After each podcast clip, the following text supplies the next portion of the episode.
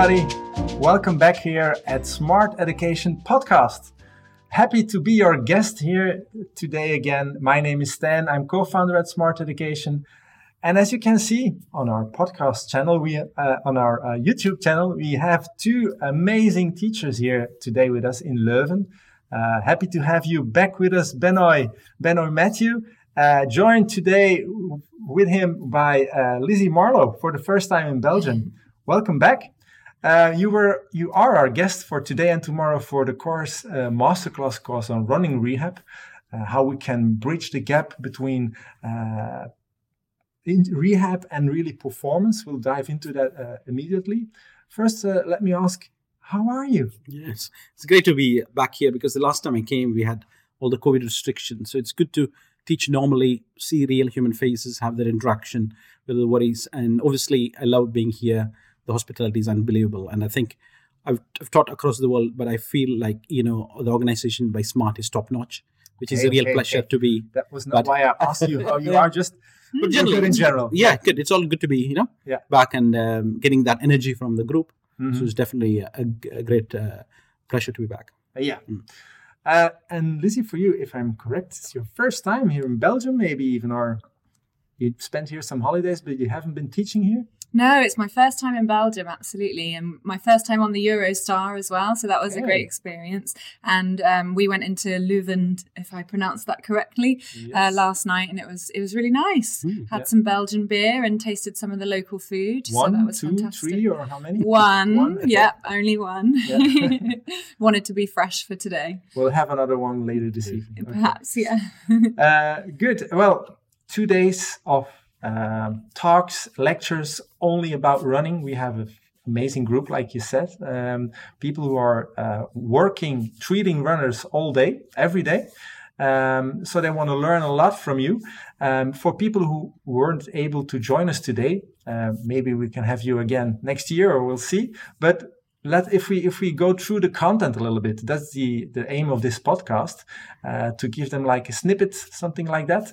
Um, if I would be a runner, uh, Lizzie, in your clinic, that would be the first question. Uh, and I step into your clinic uh, and I have a, a certain uh, injury somewhere, how would you approach me um, when it comes to history and, and clinical assessment? What are the main or the most important stuff that you will look at that can make a difference to bridge that gap where you were talking about? Does it start from the first uh, meeting with a with a runner? Yeah, I think it's separated into core stages. So from the first assessment, there are some key priorities to focus on. So the first is establishing a clinical diagnosis, um, and that's going to depend very much on the history and establishing, um, I guess, a, a, a, level of index of suspicion about whether or not this is something um, that needs investigating or referring back to the doctors or something that can be managed mm. within um, the the session. So screening for red flag pathologies is the first component that we focus on. Yeah. And the main one for runners is, of course, a bone stress injury.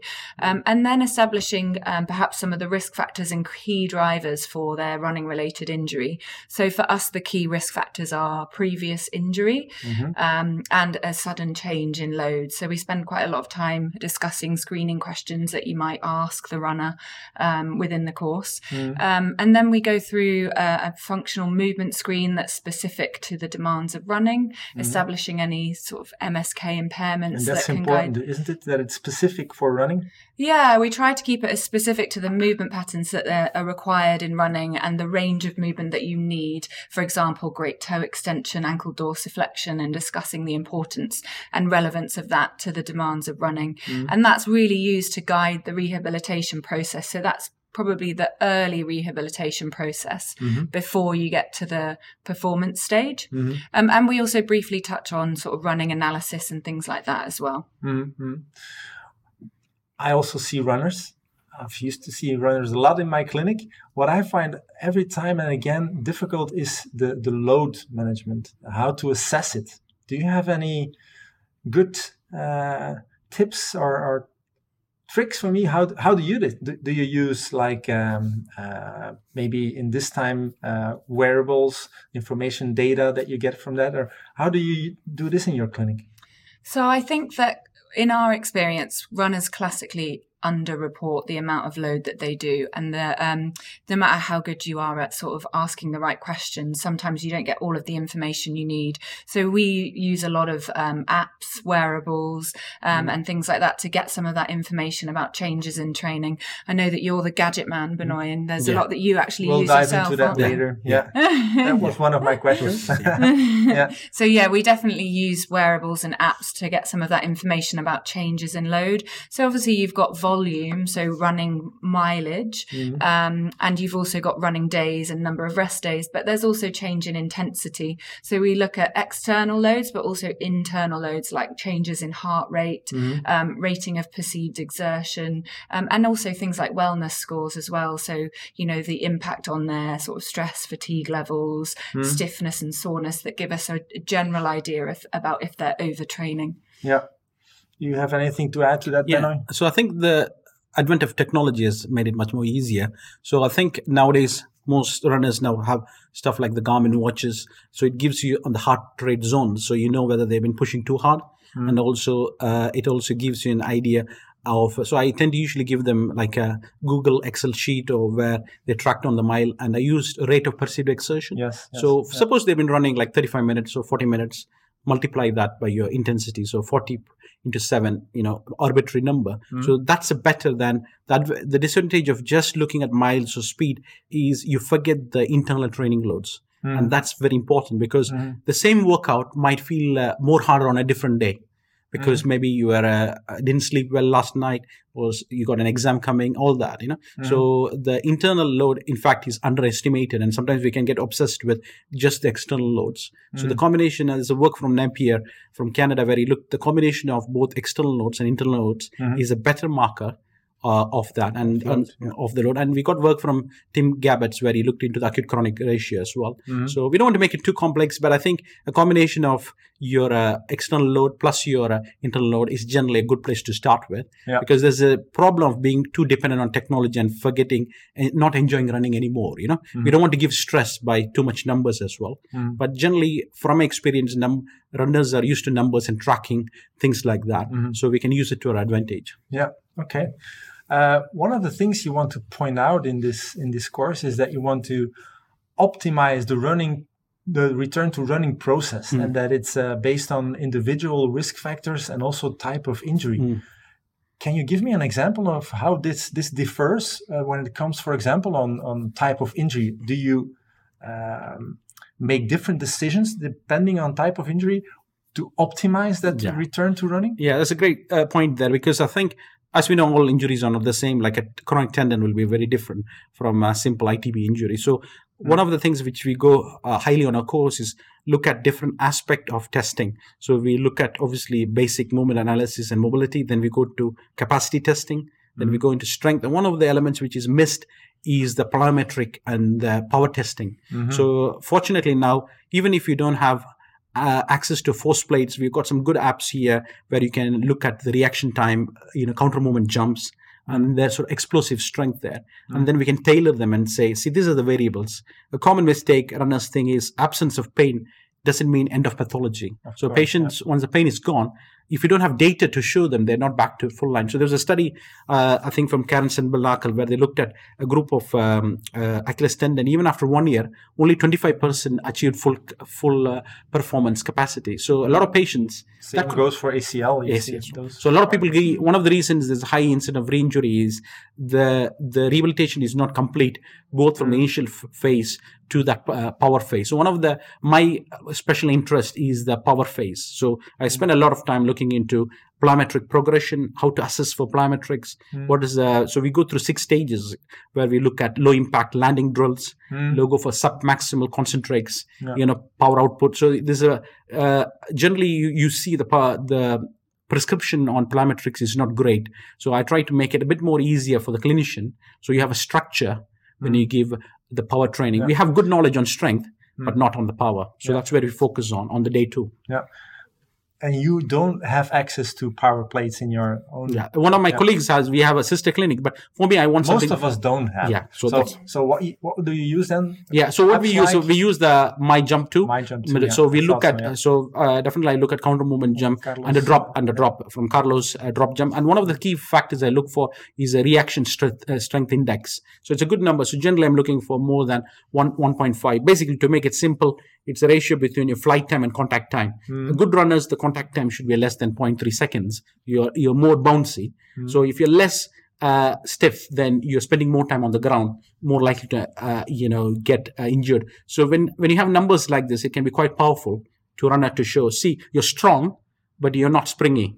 Hmm. So then we might need some you know mobility drills, some plyometric drills, and then we can retest again. The beauty of testing is you can always retest it, Mhm. and patients like the challenge to see how they progressed as well. Yeah, So course. we can use that data to uh, drive our rehabilitation.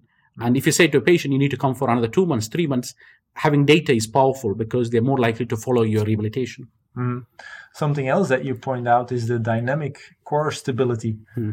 Something else that is very dark. Yeah. Uh, how do you get data about my core? Um, Yeah. How do you approach that? Maybe Lizzie or Mm, yeah, I think maybe I could start with that. It's, it's a it's a difficult area because nobody agrees the core. Uh, because uh, when I do my hip course there, people have different views. You know, for me, I think it's a more trunk and core, the whole musculature.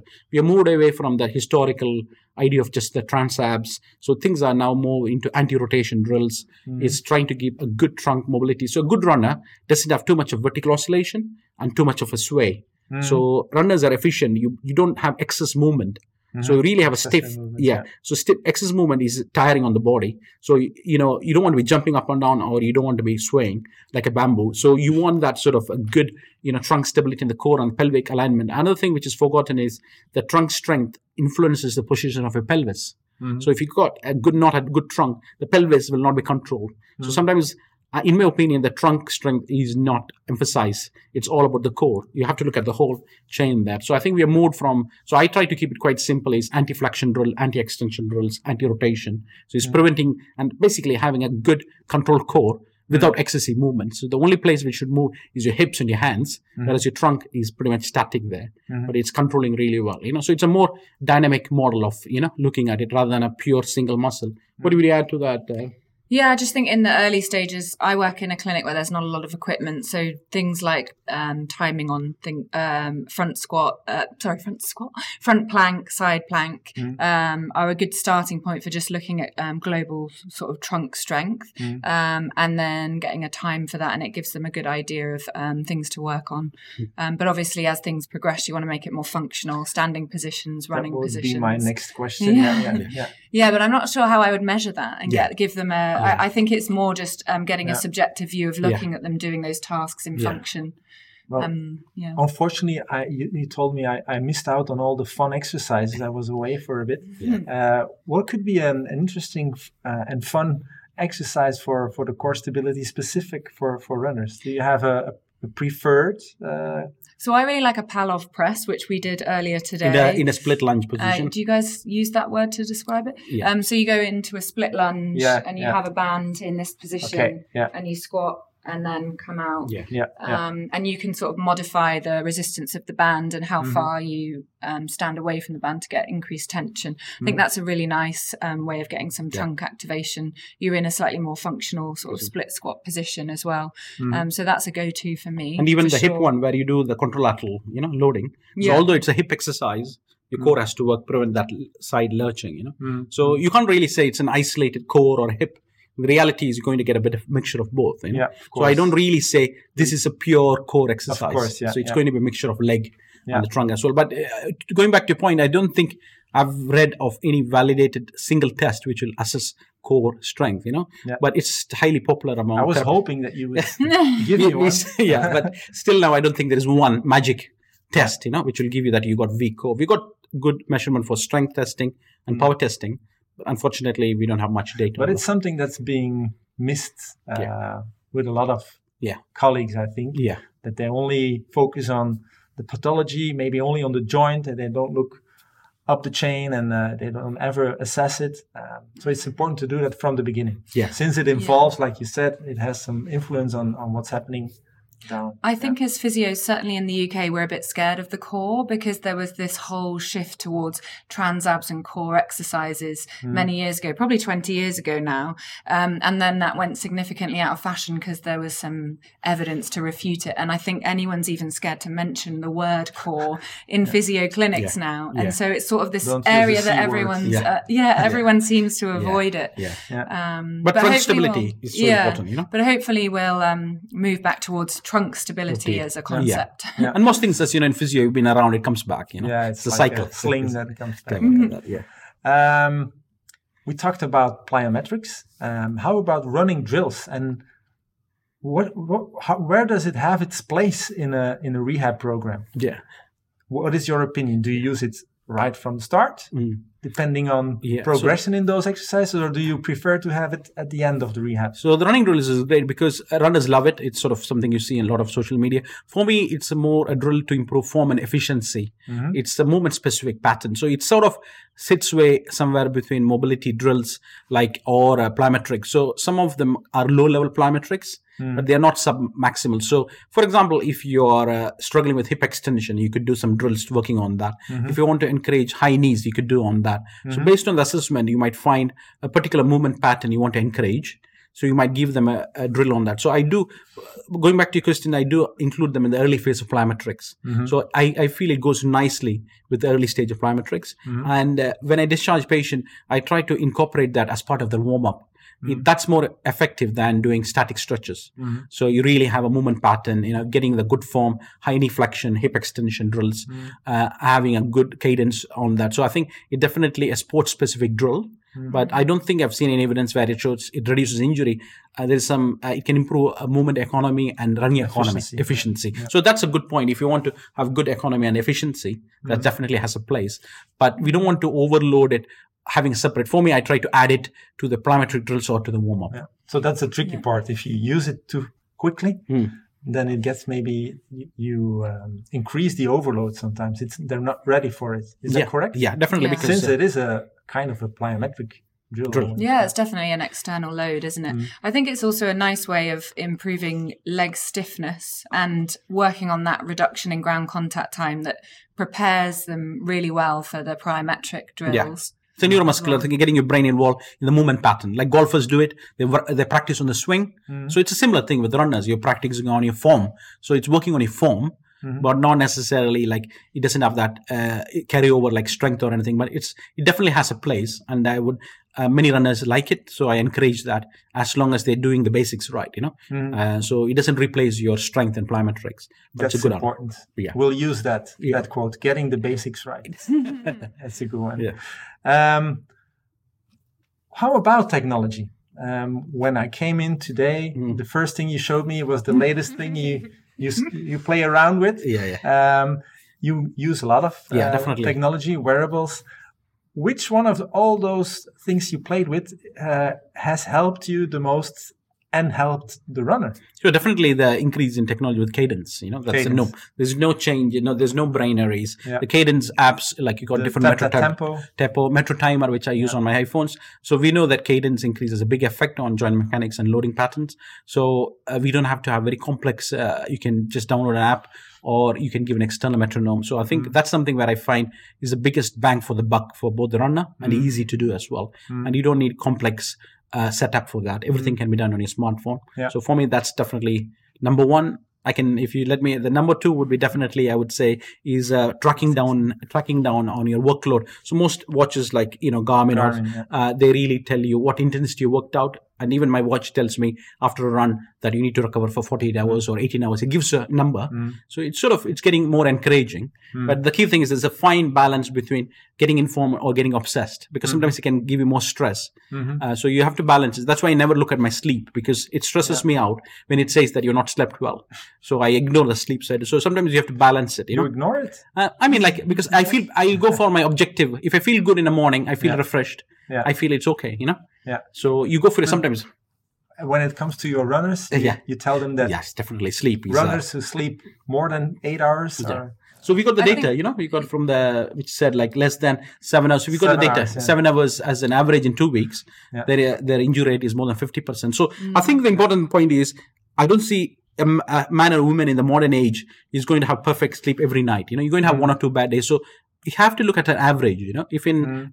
Average of 14 days, if you have one or two bad days, it's fine. Mm. So we don't want to create this fear that is going to really break down with one or two bad sleep. Mm. In nature, we are somebody wakes up, you got tender wild animals, so it's normal. So it's an average. You in two weeks, if you Yeah. have less than seven hours, that's the thing, isn't it? You don't want to get obsessed absolutely. with day to day. I think yeah, emphasizing the average over a two week period definitely reduces the anxiety of like one poor night's sleep. Or like a young mom, or you got a kid there. So you don't want that, you know, No. to, to create that sort of Yeah. fear. You can always catch up in the weekend and things Mhm. like that.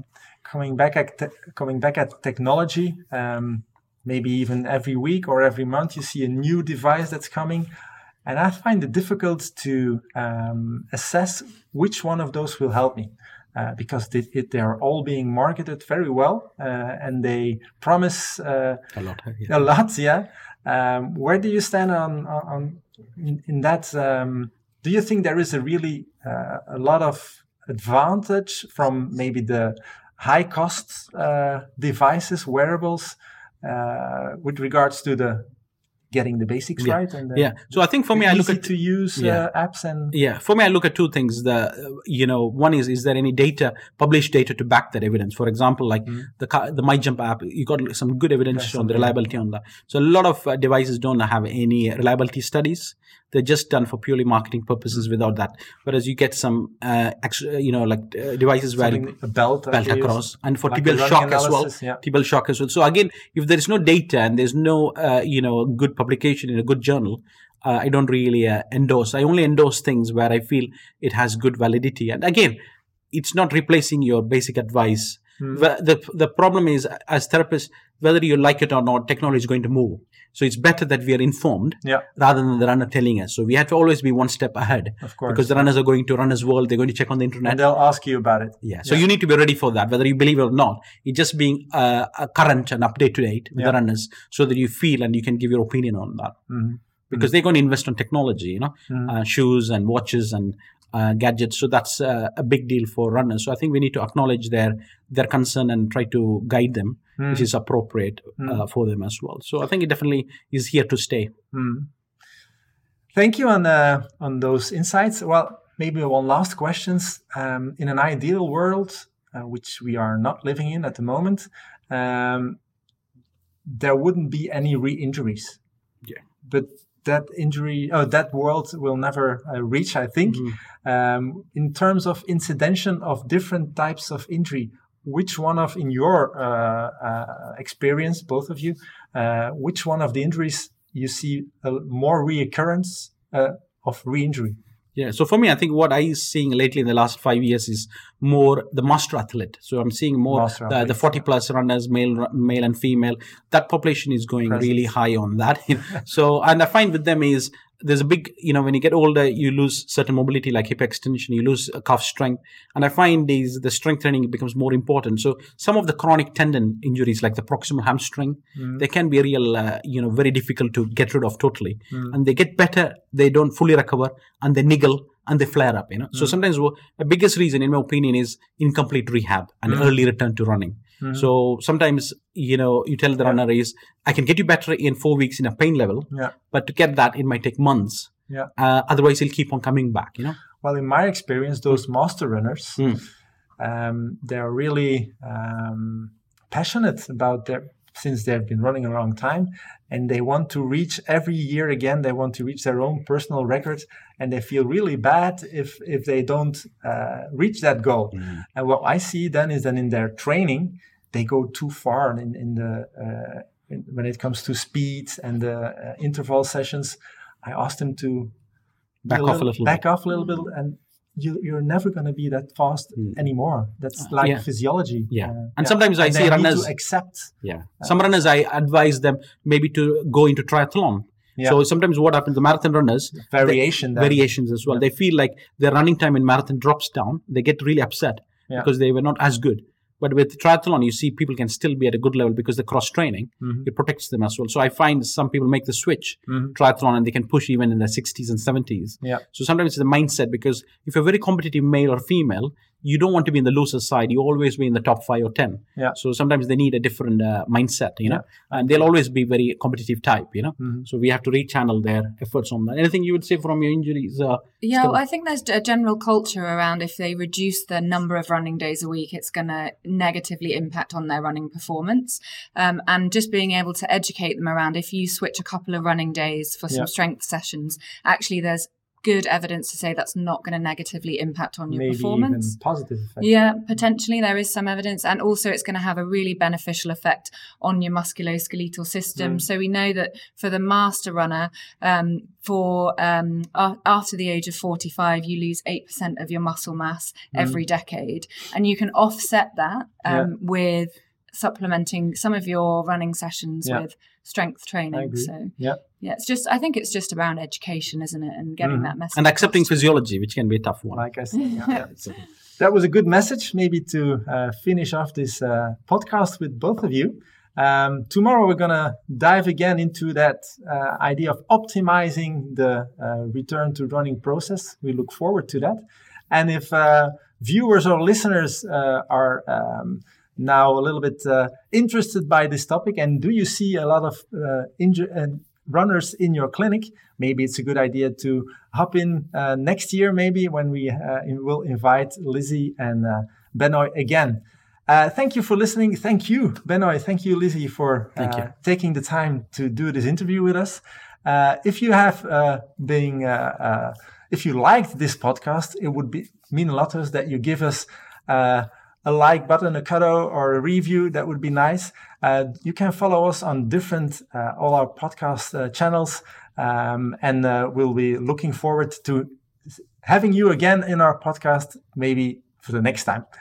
Thank you very much. Thank Thank you. you. Thank you. Bye.